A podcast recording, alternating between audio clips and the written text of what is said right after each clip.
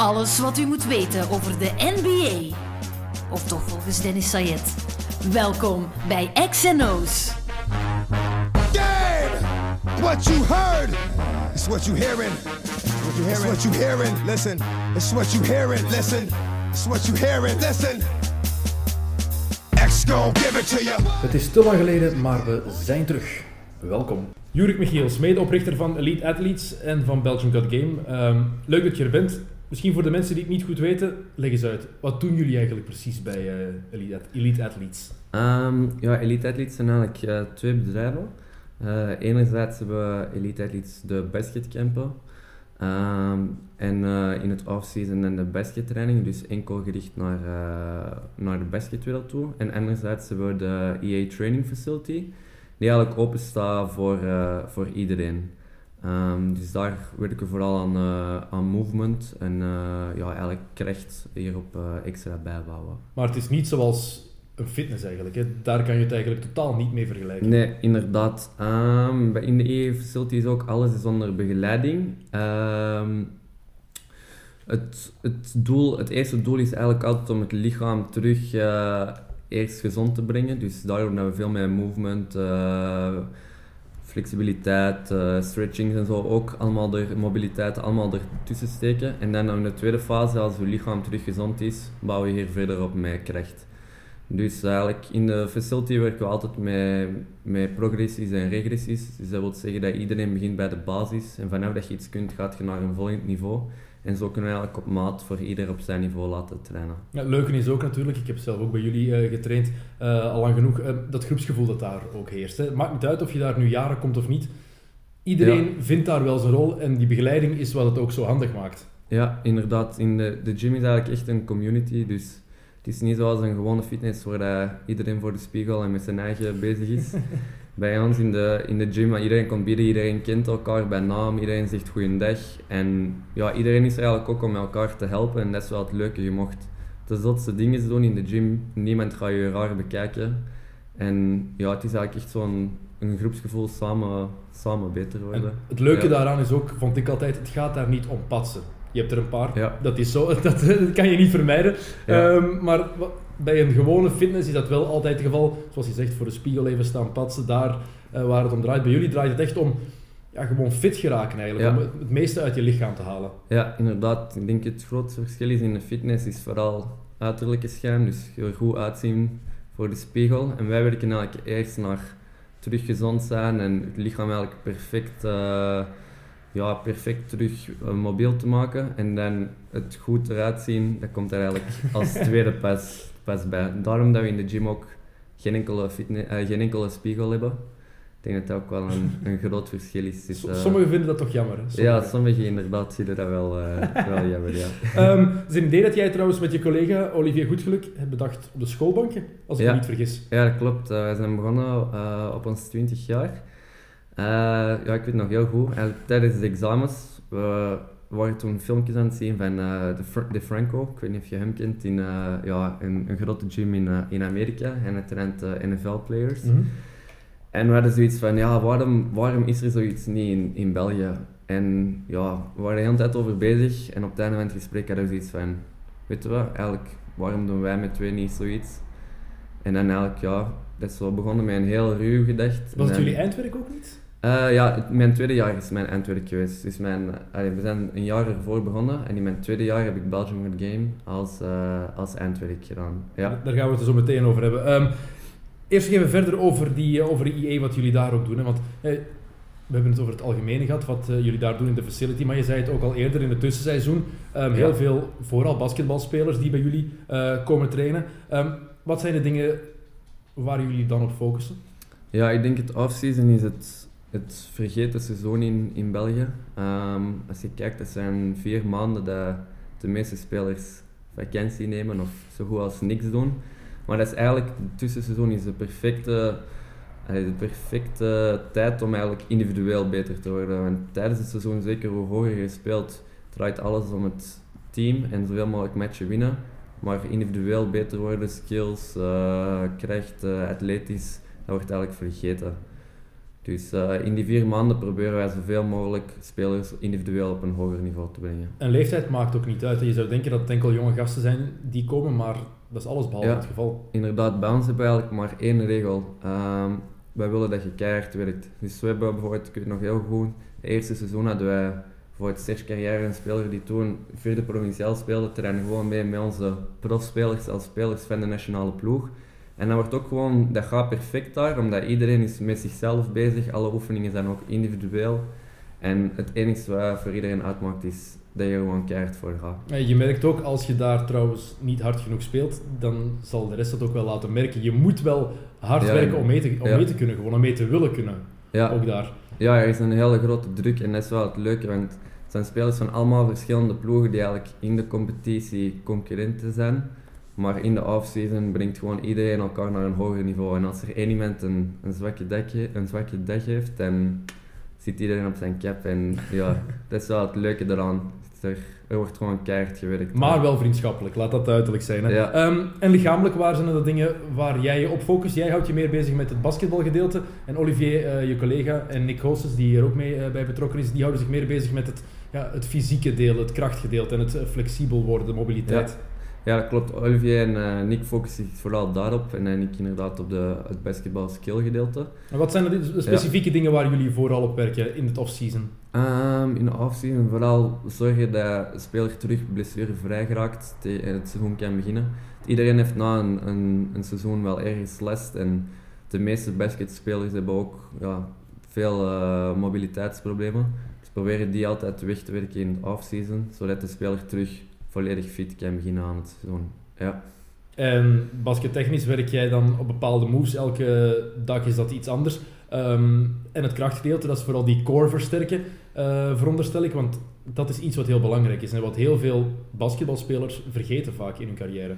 Ja, inderdaad. Ik denk ook gewoon in België is de begeleiding op dat vlak nog allez, miniem. Ik bedoel, hier in België, je, je Binnen de clubs bedoel je dan? Ja, binnen de clubs, ja. Je moet al profspeler zijn of je hebt geen, geen extra begeleiding op dat vlak.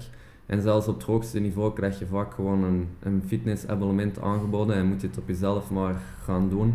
Terwijl dat heel veel spelers niet weten wat ze moeten doen of eigenlijk ja, verkeerde dingen doen in de, in de fitness. Is het niet Ja. meer de fout van gewoon het sportbeleid, het topsportbeleid, zelfs het, het gewone sportbeleid in België? Want in andere landen is dat veel meer ontwikkeld. Kijk naar de Verenigde Staten, oké, dat is het summum op dat vlak, want daar worden alle scholieren, als je wil, perfect begeleid.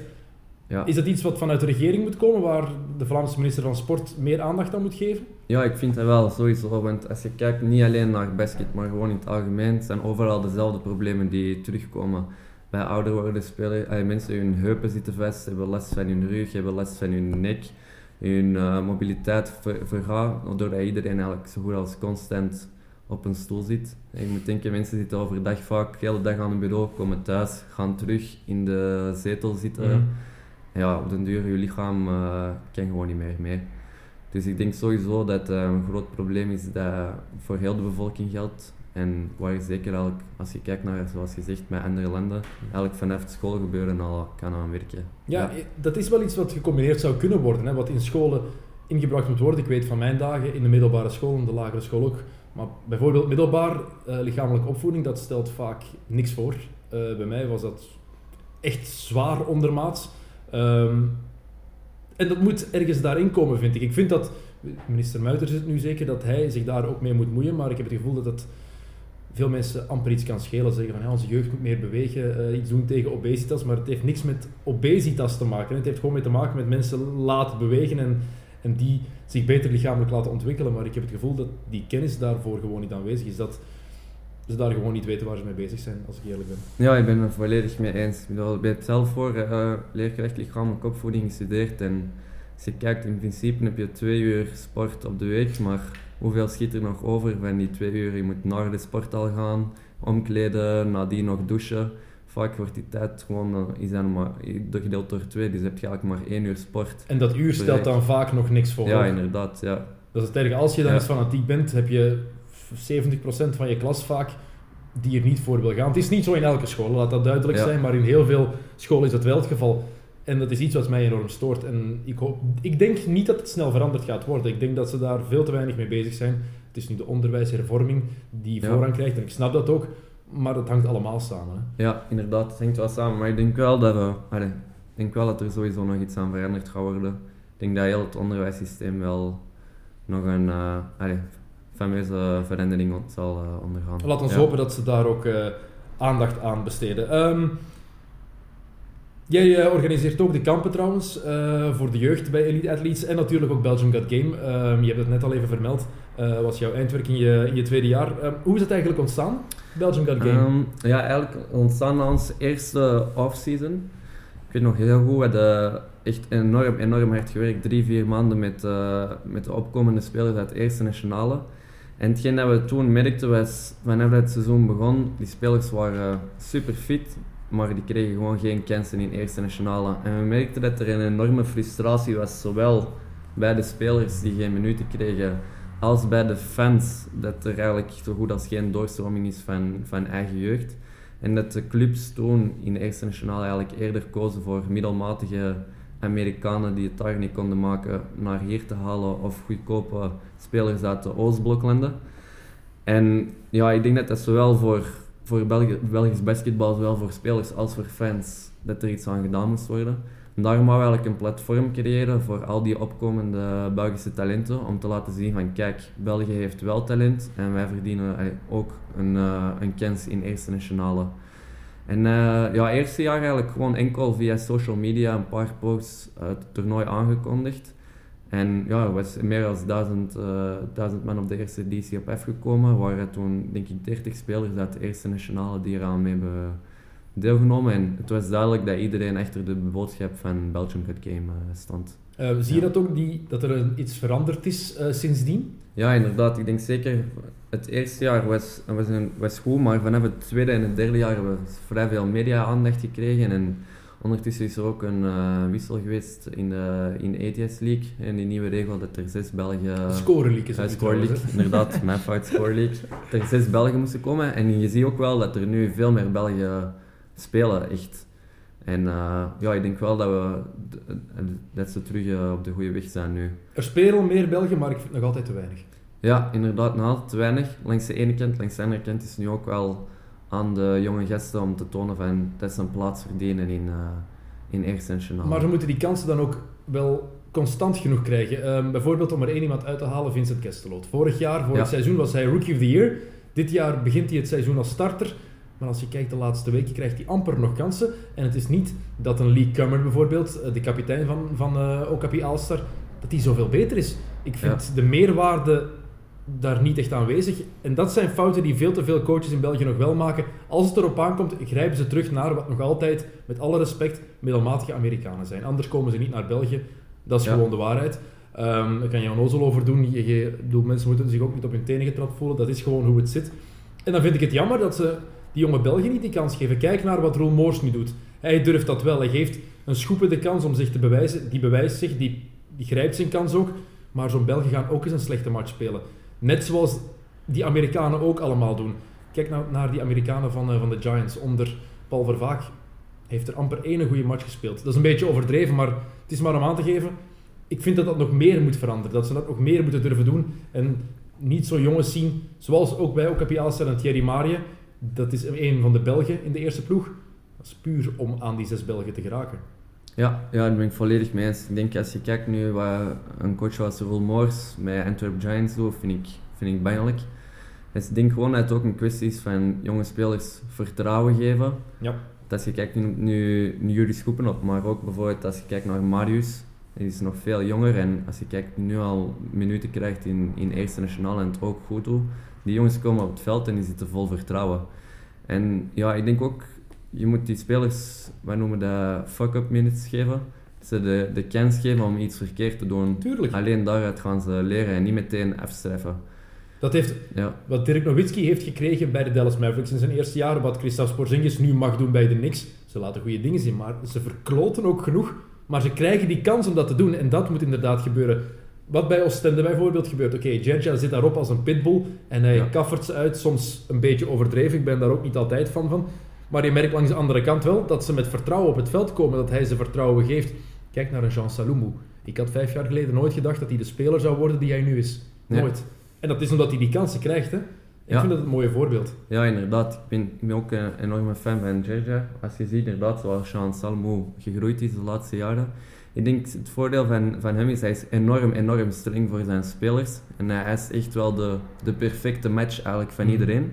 Maar het voordeel bij hem is, ook al doe je iets verkeerd, je gaat naar de bank, maar iedereen krijgt wel een tweede, een derde, een vierde kans. Ja, absoluut. En daar, daar ben ik enorm fan van. Als je ziet, de meeste coaches is één kans en je gaat terug zitten. Hij streft ze ook af, maar ze krijgen altijd wel een nieuwe kans. En dat, Ja. dat zorgt ervoor dat je met vertrouwen blijft spelen. Dat je terug Ja. het veld opkomt en zegt van... Hey, ik ben de speler die ik denk die ik ben. En als je zo eraf wordt gehaald na drie minuten... Als je één ding verkeerd doet en je speelt daarna niet meer... Ja, Nee, inderdaad, ja. Dat, dat, ver- dat verpest je helemaal. En het belangrijkste voor een basketbalspeler, naast kwaliteiten, is en blijft zelfvertrouwen. Ja, ja, ik denk dat eh, inderdaad het mentale aspect de meest onderschatte factor is in, eh, in basketbal. Ja. Ehm, Belgian Got Game nog even. Eh, vorig jaar een sabbatjaar gehad, nu is het weer terug. Ehm, wat is er veranderd? Ja, we zijn eigenlijk... Vorig jaar hebben we een sabbatjaar genomen omdat we eigenlijk niet echt veel steun kregen van, van buitenaf. En allee, vooral dan financiële steun. Eh, en we zijn nog altijd een opkomend be- bedrijf. En dus voor ons was het eh, een vrij moeilijk jaar ervoor. Daarom hebben we gekozen om vorig jaar te investeren in de facility. Dat is nu gebeurd. En eh, ja, eigenlijk in de zomer zijn we naar K54 geweest, het, grootste, het World Streetball Tournament. En eh, ja, eigenlijk daar, ze krijgen daar een budget van, eh, van Jordan van 300.000 euro om iets te organiseren. En de look en feel ziet er ongelooflijk uit, maar het toernooi zelf stelt eigenlijk niet zoveel voor. En wij hadden zoiets na het toernooi van, ja, eigenlijk waren we zo goed op weg om stilletjes aan hier naartoe te groeien. Mm. En dan hebben we gewoon besloten van oké, we gaan het terug opnieuw doen. En we willen ja, een, groot, een groot stap voorwaarts zetten met volledig eigenlijk eh, de look en feel van Belgian God Game te veranderen. Dus deze jaar zullen we een volledig custom court hebben.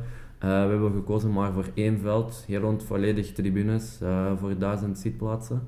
We werken ook alleen met spotlights eh, op het veld. Zijn veel meer side acts die komen. buiten een food truck festival. We hebben verschillende pop-up spots met Bounceware bijvoorbeeld.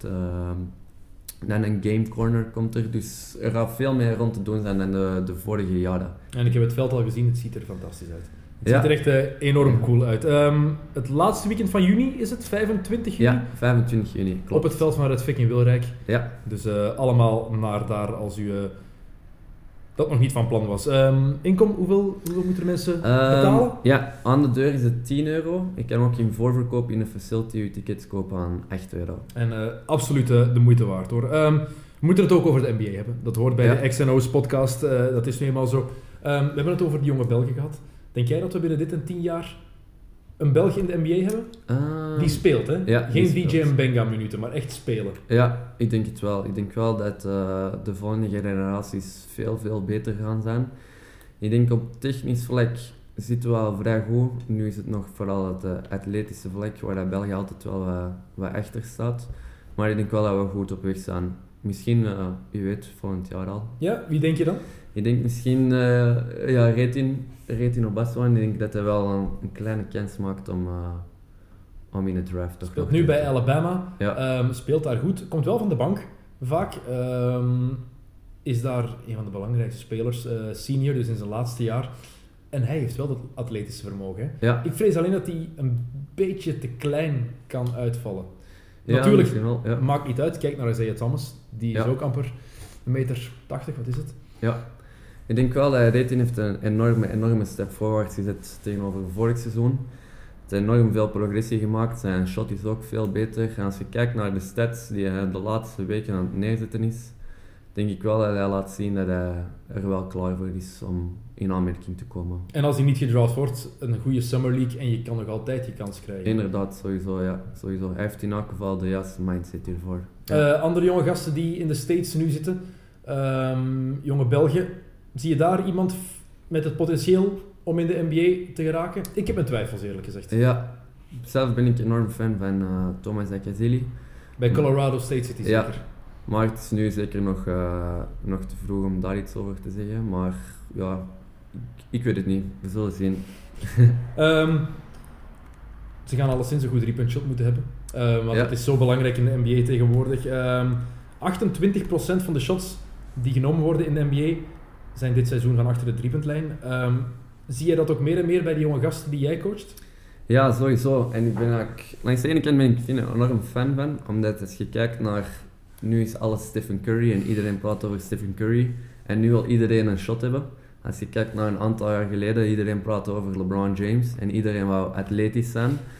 Dus op zich vind ik dat wel goed dat nu die jonge gasten allemaal terug een shot willen hebben. Het enige probleem is natuurlijk dat iedereen nu aan het shotten is en nog niet iedereen eh, ja, de juiste techniek heeft. Ja, ze denken dat ze van de middenlijn kunnen shotten. Er is Ja. maar één iemand die dat kan, ook in de NBA, en dat is Stephen Curry. Dat moeten de mensen ook begrijpen dat dat niet... De jonge gasten moeten ook weten dat dat niet zo evident is. Ehm, maar het is zo belangrijk, hè, die goede shottechniek ook hebben. Ehm, kijk naar een Clay Thompson. Je moet niet alleen naar Stephen Curry kijken. Kijk naar een Clay Thompson, naar een Damian Lillard. Die hebben jarenlang gewerkt om die shottechniek in orde te krijgen. En Kevin Love bijvoorbeeld. eh, nog iemand die we niet mogen vergeten met een goed shot. En je kan er zoveel blijven opnoemen. Ehm, maar ik vind het langs de ene kant ook goed, maar het kan ook wel problematisch zijn. Want kijk bijvoorbeeld naar hoe een fastbreak wordt gelopen in de NBA. Vroeger ging je naar de zijkant aan de middenlijn en dan sneed je naar binnen om een layup te maken. Zoals wij ook een fastbreak hebben aangeleerd in onze jeugd. Ja. Ehm, leek me normaal. Tegenwoordig loopt iedereen in een fastbreak naar de zijkant. Naar Ja. de driepuntlijn. Iedereen. Er is niemand meer die die gewone traditionele looplijnen in de NBA heeft.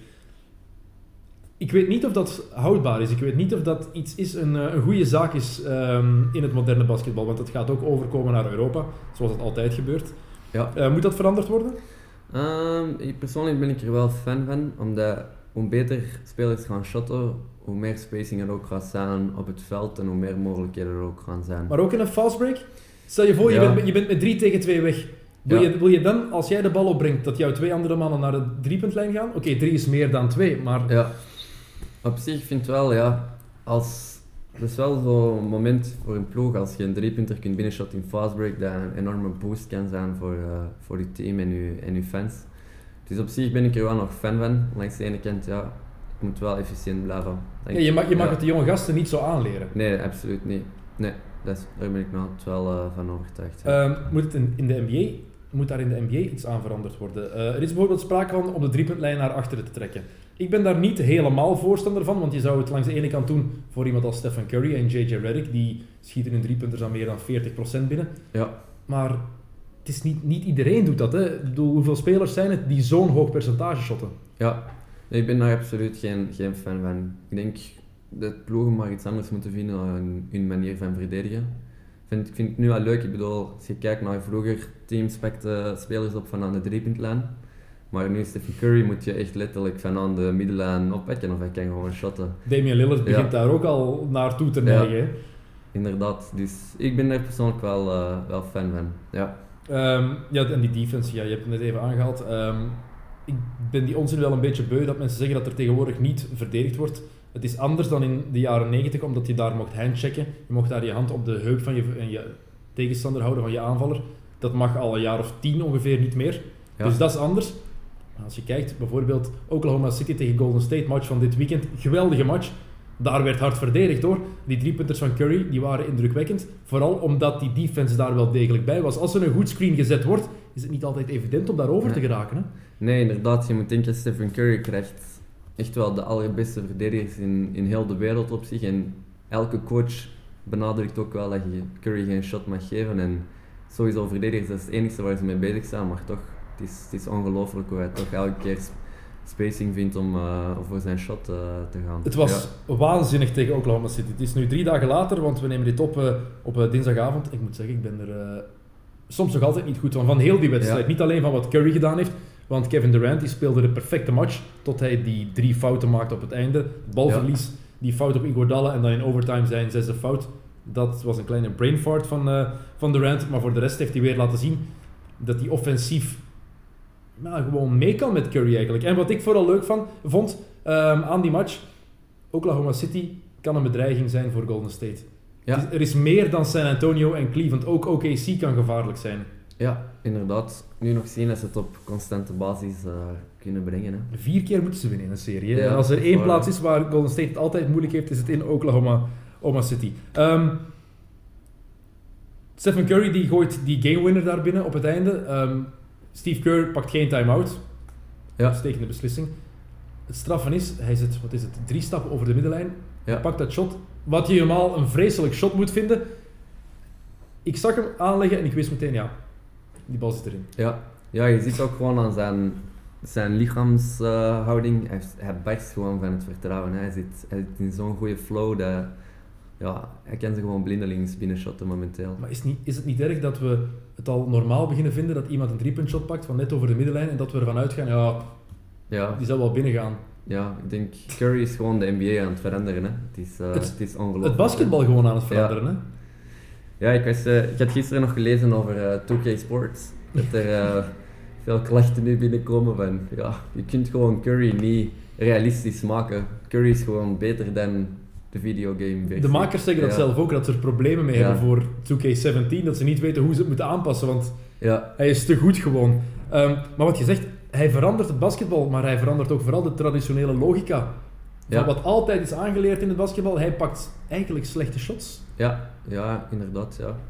Als we het echt puur bekijken hoe dat basketbal aangeleerd wordt, wat de, wat de traditionele regels zijn, zijn de helft, nee, de helft is overdreven, maar hij pakt zoveel slechte shots Ja. eigenlijk. Ja, hij is gewoon basketbal aan het veranderen. Ja, klopt. Ehm, ja, het is, gewoon, het is gewoon gek. En vooral iemand die constant zo hot is, dat is het waanzinnige. LeBron is van, wat is het, 2009 tot 2013, die vijf seizoenen, is hij de beste speler geweest by far. Niemand kon nog maar aan zijn enkels.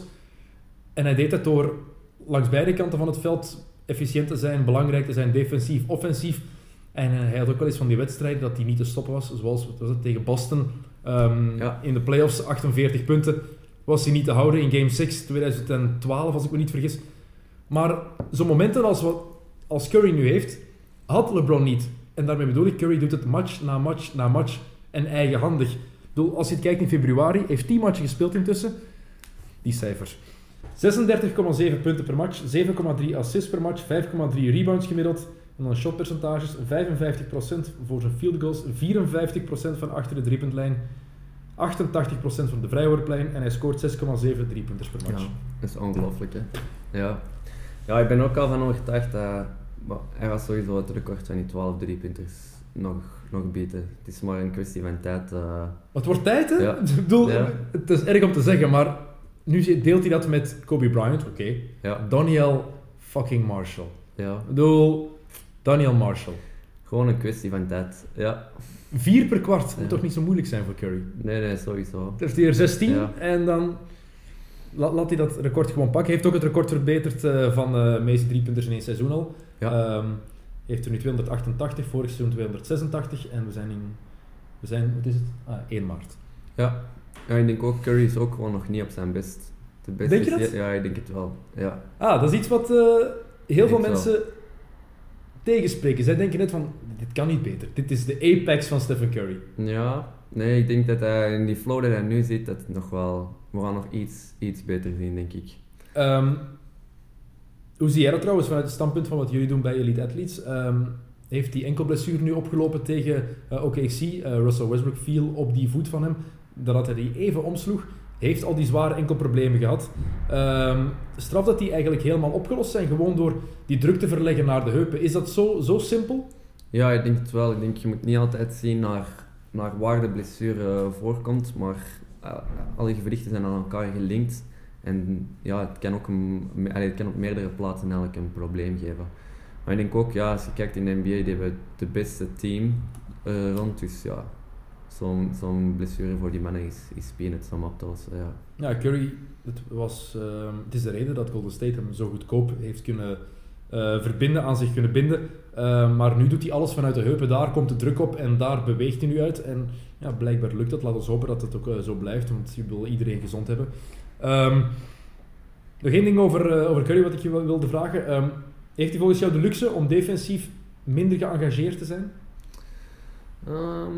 Nou, dat is mij nog niet, niet echt opgevallen. Nee. Ik denk, als je kijkt, Curry doet ook wel alles op, allee, langs twee kanten van het veld. En ik denk dat Curry is ook wel echt een speler die alles voor de ploeg doet. Dus. Maar hij staat wel merendeel van de tijd op de tegenstander die offensief het minst sterk is. Hè? Wat Ja. trouwens ook zo was met Magic Johnson en Larry Bird.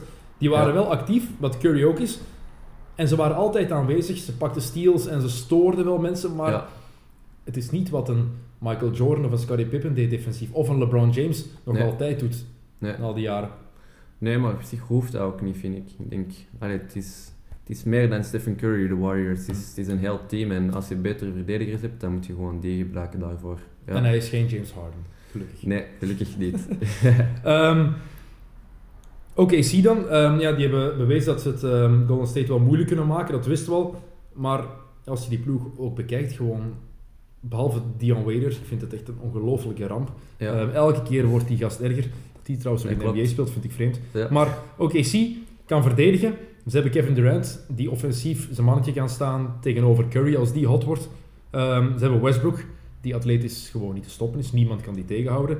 Ehm, ze hebben zoveel opties en ze zijn ook nog eens de beste reboundende ploeg in de NBA. Iets wat Golden State problemen oplevert, was zo in de finals tegen Cleveland.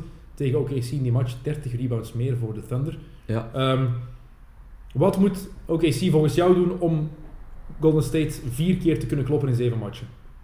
Ehm, ja, ik denk persoonlijk dat, dat OKC nog, toch nog tekort gaat komen, omdat OKC te afhankelijk is van een aantal spelers. Ik vind dat de, de balmovement bij, bij OKC niet goed genoeg is, denk ik, om, om echt ver te geraken in de, ja, in, in de playoffs. Zeker als een van die Ja. twee even uitvalt, zag je in overtime. Het was Westbrook 1 tegen 5 de hele Ja. tijd. Inderdaad, en daar ben ik niet echt een, eh, een fan van. Maar toch wint hij die match nog bijna. Ja, Als Curry drie punten niet binnengooit, is het de tweede verlenging. Ehm, en trouwens, één ding over Golden State. Ehm, die moeten nog 24 matches spelen. Ehm, zeven daarvan maar op verplaatsing. ja. Dus eh, dat record van de Bulls, wie weet. We hebben het al even over LeBron gehad. Eh, bij de Cavs blijkbaar niet zo goed. ja. Daar eh, zijn volgens Stephen A. Smith van ESPN eh, problemen. Vooral Kyrie Irving zou niet echt blij zijn. Ehm, als je dat ziet, die lichaamstaal bij de Cavs, het zit daar nog niet Nee, helemaal het zit duidelijk niet goed. Nee, ook gewoon als je kijkt hoeveel dat LeBron en, en Kyrie daar te zeggen hebben. Als je ziet van op het veld dat die soms ook gewoon de vervangingen doen voor, voor de ploeg. Ja, dan denk ik dat het absoluut niet goed zit. En dat gaat misschien nu nog, maar als je diep in de playoffs zit, denk ik dat dat wel voor eh, problemen kan Nou, geven. Tyronn Lue, de head coach van de Cavs, die heeft het pas aangehaald. Ehm, hij zei tegen de Raptors, match die ze net verloren hebben, ehm, wilde hij LeBron even vervangen om te laten rusten. En James wou gewoon niet van het veld Nee, komen. inderdaad. Dus, ja, naar mijn mening zijn dat dingen die, ook al ben je zo'n sterspeler, die, die niet kunnen. Ik Ja. vind het eh, allemaal heel vreemd. Ehm, waar ik wel van overtuigd ben trouwens, als ze de finals verliezen, want ik ga er nog altijd vanuit dat ze die gaan halen. Ja. Ehm, als ze die zouden verliezen, Ja. wie tegen wie het ook is, gaan ze Kevin Love traden. Ja, Als ze winnen, dat is iets helemaal anders. Anders gaat, is Love... is nee, dat kan wel, inderdaad. Ja. Ehm, maar LeBron, zit hij trouwens in een neerwaartse spiraal Ja, van zijn carrière? Ik denk het wel. Over zijn top? Ja, denk het wel. Ik denk ook gewoon, het, het is niet gewoon niet enkel te maken met de, uw leeftijd, maar ook met het aantal jaren dat je al in de NBA meedraait. En als je kijkt eh, hey, naar bijvoorbeeld eh, Kobe of eh met Garnett is ook al eens de vergelijking gemaakt met het aantal seizoenen dat hij heeft gespeeld vanaf wanneer dat het naar beneden gaat. En LeBron zit nu aan de, ja, hetzelfde aantal jaren. Dus ik denk, ja, LeBron is over the top. Maar het is ook Ja. logisch ergens. Hè? Ik bedoel, Ja, dit tuurlijk. is niet om LeBron Ja. te bashen. Het is en blijft een van de zeven beste spelers aller tijden. Ja, sowieso. heel Ja. simpel. Het is een absoluut fenomeen. Maar het is zijn dertiende seizoen in de NBA. Ehm, Magic Johnson heeft, wat is het, 11 seizoenen gespeeld? Of 12 seizoenen? Bird Ja. heeft er 13 gespeeld. Om maar te zeggen, hij is nog altijd maar 31. Dat heb je als je van high school komt. Ja. Ehm, Michael Jordan is op pensioen gegaan voor de eerste keer na 9 seizoenen. Hè. Toen is hij gaan baseballen, is hij drie jaar teruggekomen. Hij heeft 12 jaar bij de Bulls gespeeld. Dit is het dertiende jaar van LeBron. Is 31. Niemand heeft ooit meer minuten gespeeld op die Ja. leeftijd. En toch zegt hij zelf, ik voel me tien keer beter dan vorig seizoen. Ja, maar niet tien keer beter denk ik als een aantal jaar geleden. Dus ja, ik denk gewoon voor LeBron, uw lichaam kan... En hij moet het heel veel hebben ook van zijn atletisch vermogen. En dat gaat gewoon elk jaar minder, dat is wat ook logisch is. Ja, Eh, kunnen de Raptors de Cavs verslagen, denk je, in het oosten? Of is het Cleveland sowieso in de finals? Ehm, ja, in basketbal ken je natuurlijk alles, maar ik denk dat, dat de Cavs nog altijd wel, wel diep in de, in de playoffs gaan geraken. En dat Ja. gaat een voordeel zijn voor Cleveland als zij de finals eh, bereiken tegen wie het ook is. OKC, ehm, Golden State of San Antonio zijn de drie topfavorieten. Ja. ehm, De drie enige kanshebbers ook in mijn ogen. Ja. In het westen kan het een bloedbad worden, kan het heel zwaar worden. De Warriors gaan misschien moeten knokken, zeker in de conference finals.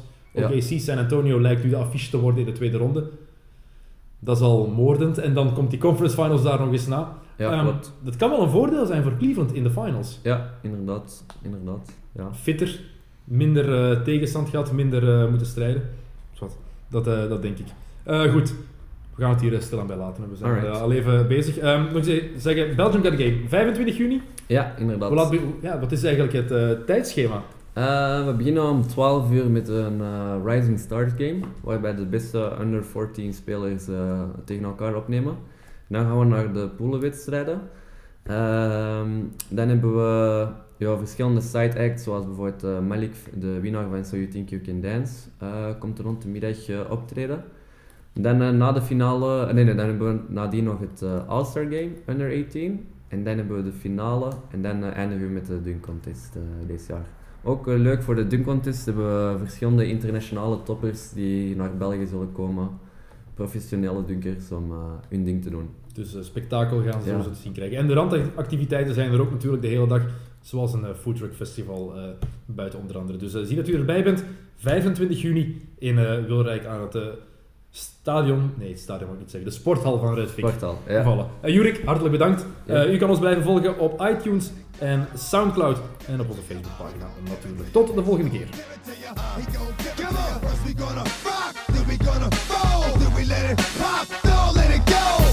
Gon' give it to you. He gon' give it to you. X gon' give it to you. He gon' give it to you.